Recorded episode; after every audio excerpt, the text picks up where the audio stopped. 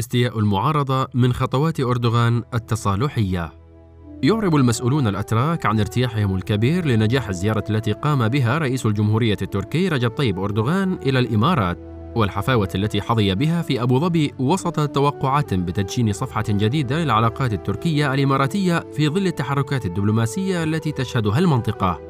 حجم الاستقبال الإماراتي المهيب لأردوغان كان مفاجئا حتى لكثير من الأتراك المؤيدين لترميم العلاقات بين أنقرة وأبو ظبي وينتظر هؤلاء الآن أن تنعكس نتائج هذه الزيارة على الاقتصاد التركي بشكل إيجابي من خلال الاستثمارات الإماراتية الضخمة وارتفاع حجم التبادل التجاري بين البلدين.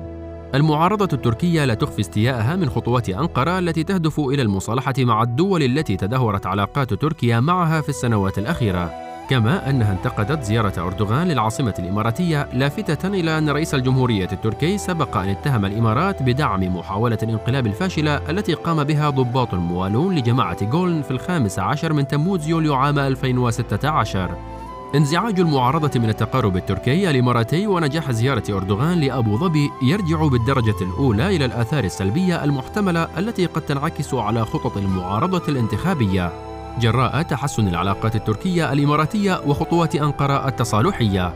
ومن المؤكد أن ذاك الانزعاج لا ينبع على الإطلاق من موقف المؤيد لمطالبة الشعوب بالديمقراطية ومعارض لوقوف الإمارات ضد ثورات الربيع العربي.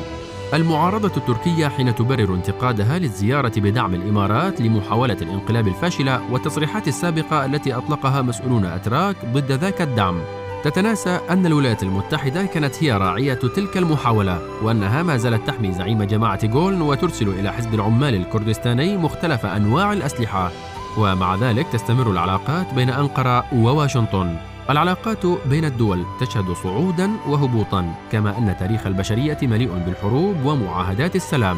ولعل أقرب مثال لتحسن العلاقات بين دولتين بعد تدهورها بشكل غير مسبوق ما جرى بين السعودية وقطر. بعد أن قطعت الرياض وأبو ظبي والمنامة والقاهرة في حزيران يونيو عام 2017 كافة علاقاتها مع الدوحة. ثم جاءت قمة العلا لمجلس التعاون لدول الخليج العربية في كانون الثاني يناير عام 2021 لتطوي تلك الصفحة. وبعد المصالحة لم يعد الإعلام السعودي يتهم الدوحة بتمويل الإرهاب ولا يتحدث عن قناة سلوى التي ستحول قطر إلى جزيرة معزولة كما قيل أيام الأزمة. هناك أمر آخر وهو أن تحسن العلاقات بين بلدين لا يعني بالضرورة أن آراءهما ومواقفهما ستكون متطابقة في كل شيء بل قد يتعاونا في ملفات ويتنافسان في أخرى وفقا لما تقتضي مصالحهما. ومن المؤكد أن هذا ينطبق أيضا على علاقات تركيا مع الدول الأخرى بما فيها الإمارات وبالتالي فإن انتقاد المعارضة التركية للتقارب التركي الإماراتي بحجة مواقفهما المختلفة مع بعض الملفات ليس في محله. كما أن أبو ظبي غيرت اليوم سياستها تجاه تركيا حتى لو كانت بالأمس قد دعمت محاولة الانقلاب الفاشلة بشكل أو آخر وتمنت نجاحها. تركيا مقبلة على انتخابات في غاية الأهمية ولذلك فإن هذا السؤال يطرح نفسه بعد كل تطور.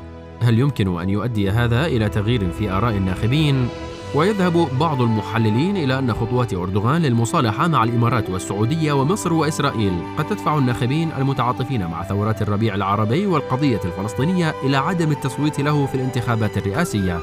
فيما يرى آخرون أن عموم الناخبين يهمهم الوضع الاقتصادي بالدرجة الأولى وأن المؤيدين لتحالف حزب العدالة والتنمية وحزب الحركة القومية سيتفهمون دوافع هذه الخطوات التي تهدف إلى حماية أمن البلاد واستقرارها ومصالحها القومية والاقتصادية. ومما لا شك فيه أن بعض أحزاب المعارضة كحزب السعادة برئاسة تمل كارامولا أوغلو وحزب المستقبل برئاسة أحمد داوود أوغلو. ستستغل خطوات ترميم العلاقات مع دول المنطقة في انتقاد أردوغان وستتهمه بالتخلي عن دعم الإخوان المسلمين والقضية الفلسطينية وثورات الربيع العربي. ولكن لا يتوقع أن تغير تلك الانتقادات آراء الناخبين لأن تلك الأحزاب الصغيرة بحاجة إلى أن تقنع الناخبين بأنها في حال حكمت البلاد ستدعم القضية الفلسطينية والشعوب الثائرة. من أجل الحرية والكرامة أكثر مما دعم أردوغان.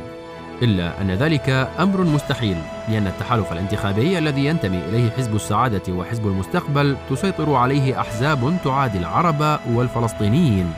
وتشيطن ثورات الربيع العربي واللاجئين السوريين كحزب كليتش دار أوغلو وحزب أكشينير.